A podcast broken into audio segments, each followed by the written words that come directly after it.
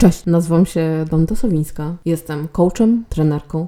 Prowadzę szkolenia biznesowe, miękkie oraz warsztaty rozwojowe, jak i również treningi antydyskryminacyjne. Dzisiaj chciałabym opowiedzieć Wam o krytyku wewnętrznym, naszym wewnętrznym sabotażyście. Gdyby nie bunt moich rodziców przeciwko mojemu wyborowi życiowemu, pewnie teraz odmawiałabym różaniec w zakonie, gdzie chciałam się zamknąć i ukryć w ciemnościach mojego demonicznego, wewnętrznego krytyka. Odkrywałam w sobie uczucia, które mnie przerażały, które sprawiały mi wewnętrzny ból, których się bałam, od których chciałam uciec. Miałam niespełna 12 lat. Rodzice często wysyłali nas na wakacje do rodziny. Jednak wakacje w 1994 roku odcisnęły piętno na mojej już nadszarpniętej psychice dziecka. Byłam tam wykorzystana seksualnie przez wujka, który zagroził, że jak komuś powiem, to mój ojciec trafi do więzienia. Bałam się i było mi tak wstyd, że ukrywałam to przez długie lata. Czułam obrzydzenie i wstręt do siebie. I mój wewnętrzny demon powtarzał bez ustanku: To twoja wina! Sprowokowałaś go! Jesteś zerem! Jesteś beznadziejna! Jąkasz się jak sierota! Wszyscy cię nienawidzą. Nigdy w życiu do niczego nie dojdziesz. Nie potrafisz się uczyć. Jesteś nikim! Nienawidziłam siebie na tyle, że nawet wybrałam sobie kiedyś datę swojego samobójstwa. Schronieniem wtedy okazał się dla mnie kościół. Miałam problem z wymową swoich myśli dlatego się jąkałam. Teraz wiem, że jest to problem psychosomatyczny. Dostałam od księdza proboszcza propozycję czytania psalmów w kościele jako lektorka. To było dla mnie ogromne wyróżnienie. Zaczęłam angażować się w sprawy kościoła. Zostałam prezeską Katolickiego Stowarzyszenia Młodzieży, organizowałam wycieczki, spotkania regionalne, jeździłam na kolonie, konferencje, szkolenia, stąd moja ówczesna fascynacja religią. Poinformowałam rodziców w szkole średniej, idę na teologię. Do dzisiaj pamiętam ich słowa. Nie będziesz traciła swojego czasu i naszych pieniędzy na teologiczne hobby. Byłam zdruzgotana. Wtedy w szkole średniej jakąś lekcję poprowadził psycholog. Najważniejsze, co powiedział, to, że zaprasza zainteresowane osoby na spotkanie grupowe z psychologiem. Ja mam może 16 lat i dopiero wtedy dowiedziałam się, co się ze mną dzieje. Dlaczego chciałam się ukryć? Dlaczego ze wstydu nosiłam czapkę z daszkiem? Nie znosiłam dziewczęcego stylu, spineczek, co ciągle budziło dysonans wśród rodziny. Działo się tak dlatego, bo odkrywałam swoją homoseksualność, a jednocześnie chciałam ukryć swoją dziewczęcość, która doprowadziła do wykorzystania seksualnego. Ja, taka chrześcijanka, codziennie chodziłam do kościoła, zaangażowana w sprawy kościelne, przykładna katoliczka, jestem lesbijką? To na pewno musiała być próba. Tak, Bóg wystawia mnie na próbę. Tak oszukiwałam się przez kolejne trzy lata. Dopóki do szkoły nie przyszedł kolejny sympatyczny pan, który promował studia o kierunku turystyczno-hotelarskim. To się nazywa w filmie zwrot akcji. Wiedziałam, że to dla mnie jedyne wyjście, aby uciec z hermetycznego środowiska, gdzie liczą się tylko tradycje rodzinne i wszyscy są bogobojni. Nie było tam miejsca na mnie, na tą moją inność. W 2001 roku wyjechałam z rodzinnego miasteczka i zaczęłam studia w Bydgoszczy. To był przełom na mojej ścieżce odkrywania mojej orientacji seksualnej. Odkrywanie etapów swojej psychoseksualności. Poznałam Anię, która mnie zaprosiła do knajpki dla gejów i lesbijek. Zobaczyłam ten luz. Pierwszy raz widziałam całujących się chłopaków, przytulone do siebie dziewczyny. To był szok. Szok kulturowy, który przeżyła mała dziewczynka z małej miejscowości, której ciągle wbijano do głowy, że osoby homoseksualne są chore psychicznie, że to zboczeńcy. Czas studiów to była eksplozja doświadczeń. Pierwsze pocałunki z dziewczynami, ależ to były emocje. Pierwszy przyjaciel gay, z którym spędzałam każdy wolny czas. Pierwsze doświadczenie barmańskie, potem półroczna praktyka na Cyprze, która zakończyła etap licencjatu na studiach i, jak się domyślacie, nigdy więcej już nie myślałam o zakonie. Wzięłam dziekankę, odcięłam pępowinę, podjęłam pierwszą pracę dorywczą. Zgubiłam trochę opierzenia. Pierwszy poważny związek, studia magisterskie, większa dyscyplina w nauce. Zaczęłam wychodzić z szafy. Zrobiłam swój publiczny coming out. Mój coming out przed mamą to było bardzo trudne wydarzenie w moim życiu. Zostałam odrzucona, nie otrzymałam wsparcia. Bardzo trudne doświadczenia. Odrzucenie. Trudno mi o tym cały czas mówić. W 2007 roku podjęłam moją pierwszą poważną pracę, w której odważyłam się powiedzieć głośno: Jestem lesbijką.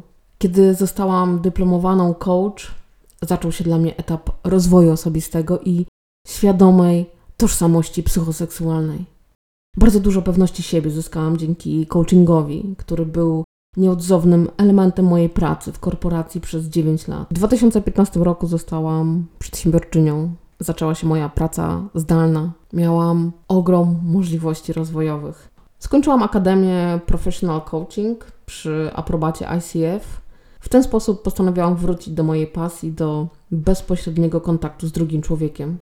Zaczęłam przywracać wiarę w siebie i swoje umiejętności. Właśnie ze względu na swoje doświadczenie chciałabym opowiedzieć, jak udało mi się poskromić mojego wewnętrznego krytyka. Ten podcast kieruje szczególnie do osób, które zmagają się cały czas ze swoim wewnętrznym krytykiem. Ja, jako osoba nieheteronormatywna, musiałam pokonywać wojnę, nie bitwę ze swoim wewnętrznym krytykiem. Pamiętam kiedyś słowa mojej koleżanki, która powiedziała: Danka, ale ty wiesz, że będziesz musiała wypić ten kielich goryczy sama? Oj tak, sączyłam go przez lata. Tyle, że na początku nie potrafiłam zobaczyć braku akceptacji, homofobii, bo nie miałam takiej wiedzy, którą mam dzisiaj. Te teksty, weź, nie przesadzaj, ale ty jesteś przewrażliwiona. Tyle, że największym wrogiem, który nie akceptował mnie, był wróg, który nazywa się wewnętrzny krytyk. Nieujawniona homofobia, stres mniejszościowy, który wpływał na mój bardzo długi coming out. Ja oceniałam ciągle sama siebie, krytykowałam, że robię cały czas coś źle. Czułam, że jestem niepełna, że czegoś mi brakuje, że mam jakieś dysfunkcje. Ciągle uważałam, że jest coś ze mną nie tak. Katowałam siebie, niszczyłam siebie od środka, nie ufałam swoim wyborom. Co musiało się stać, abym zmieniła wewnętrzną postawę? Musiałam wzmocnić swoje myśli. Zaczęłam być świadoma swoich myśli. Przez wiele lat zastanawiałam się, czy ta moja świadomość jest w mózgu. Czy w ogóle nasze myśli są w mózgu. Kiedy jestem zrelaksowana, czytam książkę, jest przyjemnie. Ale kiedy za chwilę wpada bliska mi osoba i informuje mnie, musimy porozmawiać, po czym odbiera telefon i wychodzi, co w tym czasie dzieje się w moim ciele? Moje neurony z fazy spoczynku niespodziewanie wskoczyły na tor biegu maratonu. Do akcji włącza się adrenalina, by zostać wyprzedzona przez kortyzol. Włącza się reakcja walki, ucieczki. Zaczyna mnie wszystko swędzić. Jelita wykręcają się do góry nogami. Dlaczego?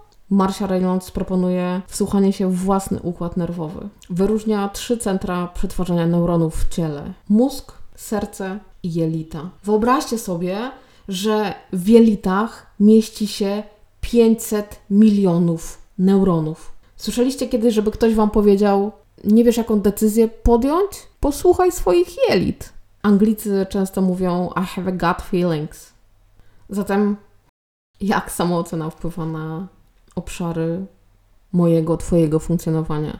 Jaki ma wpływ na to, jak się zachowujemy w pracy? Jakie mamy relacje z ludźmi? jak wysoko możemy awansować, czy zarabiać, czy ile potrafimy osiągnąć. Jeżeli mamy zdrową samoocenę, to znamy swoją wartość.